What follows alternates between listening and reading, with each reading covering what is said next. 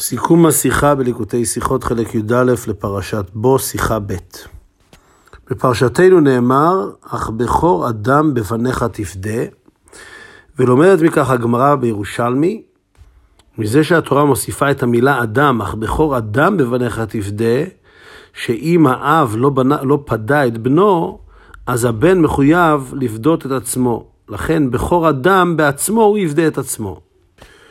לעומת זאת הבבלי לומד את זה מפסוק אחר בפרשת קורח, נאמר פדות תפדה, אז מהייתור, הכפל פדות תפדה, שאם האב לא פדה את בנו, שהבן חייב לפדות את עצמו. אז נשאלת השאלה, מה בעצם ההבדל להלכה אם לומדים מהפסוק שבפרשתנו, או שלומדים מהפסוק בפרשת קורח, ולמה הבבלי בוחר ללמוד מהפסוק בפרשת קורח, והירושלמי מהפסוק בפרשתנו. מבאר הרבה בהקדים אה, הסוגיה בסוף מסכת פסחים.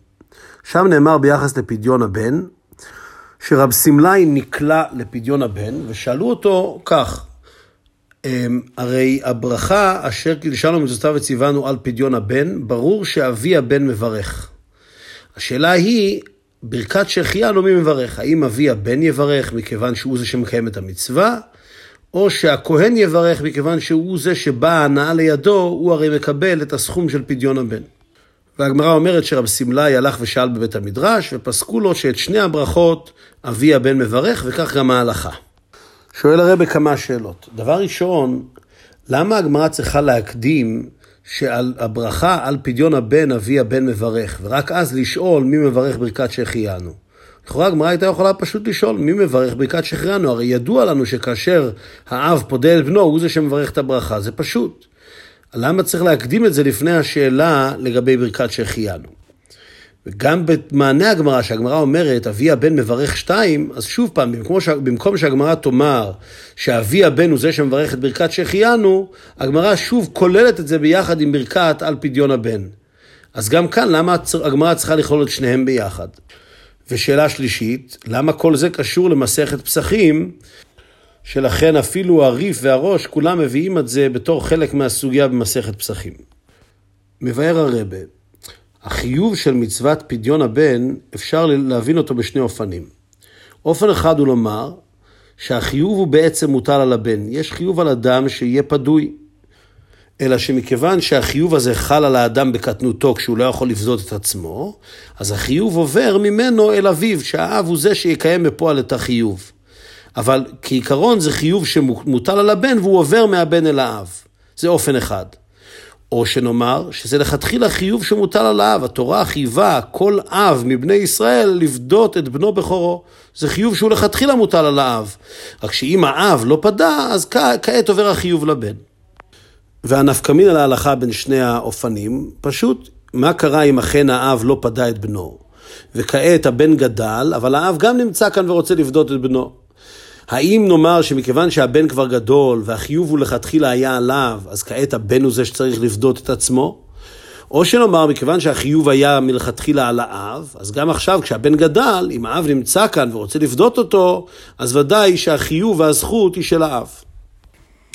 אומר הרבה שהשאלה הזאת היא בעצם תלויה בשאלה מאיזה פסוק לומדים שהבן מחויב לפדות את עצמו אם האב לא פדה אותו. אם אנחנו לומדים כשיטת הירושלמי, שמאותו פסוק שממנו נלמד שהאב צריך לפדות את בנו, לומדים גם כן שהבן צריך לפדות את עצמו. בכור אדם בבניך תפדה, בכור אדם זה שאדם פודה את עצמו, ובבניך תפדה זה כשהאבא פודה אותו. אז אם כן מובן שהחיוב הוא בעצם מוטל על הבן. רק מכיוון שהבן הוא קטן, אז האבא, האבא פודה, אבל בעצם החיוב הוא לכתחילה, כשהתורה מטילה את החיוב, היא מטילה אותו על שניהם, על האב ועל הבן. כלומר, בעצם זה על הבן, אבל מהבן זה עובר אל האב.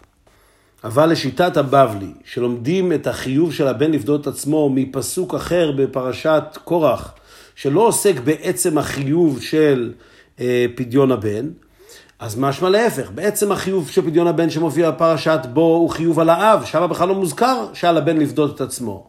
מקום אחר התורה מוסיפה שאם קרה שהאב הלא פדה את בנו, אז יש באמת חיוב על הבן.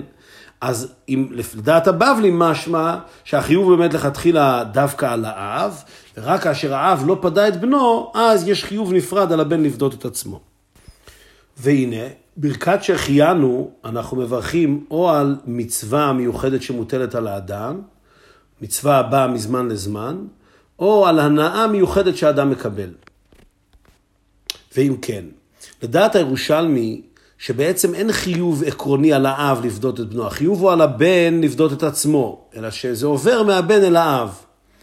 אז מובן שבעצם אין היגיון שהאבא יברך שהחיינו על מצוות פדיון הבן, מכיוון שזה גם לא מצווה שלו, זה בעצם מצווה של בנו שעוברת אליו, וגם ההנאה לא באה לידו, הוא הרי לא זה שמקבל את הכסף. הכהן לפחות מקבל את אותה חמישה שקלים, אז הוא יכול לברך שהחיינו על ההנאה שבאה לידו. אבל לדעת הבבלי, שעיקר החיוב לכתחילה הוא על האב לפדות את בנו, ולכן לומדים את החיוב של הבן לפדות את עצמו מפסוק אחר לגמרי. אז כאן כבר יש היגיון לומר שהאבא הוא זה שיברך ברכת שהחיינו. מכיוון שהחיוב הוא מוטל לכתחילה עליו, אז כאן מתעורר הספק. האם נאמר שמכיוון שהחיוב הוא על האבא, אז לכן גם כל המצווה היא על האבא, אז גם ברכת שהחיינו יברך האבא, או שהכהן יברך מכיוון שהוא זה שמקבל את ההנאה.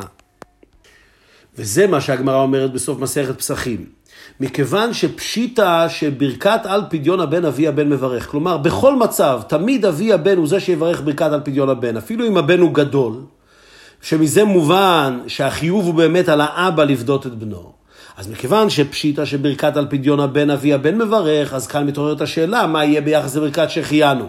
האם נאמר שמכיוון שהחיוב הוא על האבא, אז שהוא יברך גם שהחיינו, או שמכיוון שהכהן מקבל את ההנאה, אז הוא, הוא יהיה זה שיברך ברכת שהחיינו.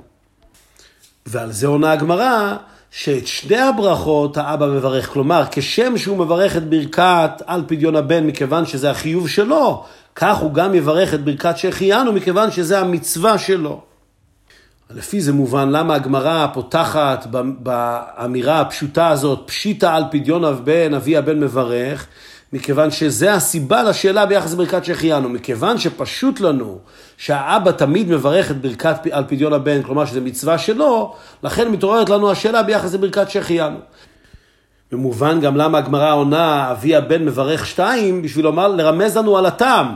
הסיבה שאבי הבן מברך שהחיינו, זה מכיוון שהוא זה שמברך על פדיון הבן, כלומר זה מצווה שלו, ולכן הוא זכאי גם לברך ברכת שהחיינו. ומהי אכן הסיבה שהחיוב מוטל דווקא על האב לפדות את בנו ולא על הבן? אז זה יובן מכך שהסיפור הזה מופיע במסכת פסחים. הרי במסכת פסחים מבואר העניין שהקדוש ברוך הוא פסח על בתי בני ישראל והציל את בכורות בני ישראל. כלומר, האב, שהוא הקדוש ברוך הוא, הוא פודה את בני בכורי ישראל. כל הסיפור של יציאת מצרים זה האבא שבודה את בנו בכורו. וממילא מובן שכשם ששמה זה האב הוא זה שפודה את בנו, אז כך גם מצוות פדיון הבן זה חיוב שמוטל על האב לפדות את בנו.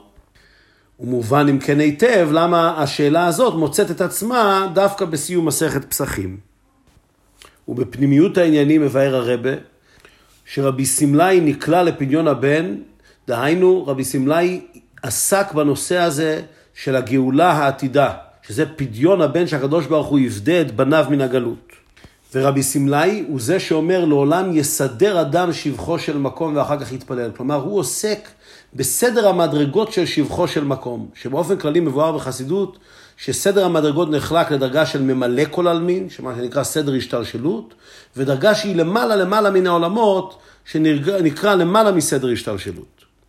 ולכן רבי סמלאי שעוסק בסידור שבחו של מקום, כשהוא נקלע לפדיון הבן, הוא עוסק בענייני הגאולה העתידה, אז הוא אומר כך, פשיטא שאבי הבן מברך על פדיון הבן, כלומר, פשוט שהגאולה העתידה תהיה באופן כזה שזה יהיה גילוי שהוא למעלה מסדר השתלשלות, זה חייב לבוא מדרגה כזאת שהיא למעלה מן העולמות. הרי אפילו יציאת מצרים הייתה גם כן הקדוש ברוך הוא בעצמו, ולא על ידי מלאך או שליח, אלא הקדוש ברוך הוא בעצמו.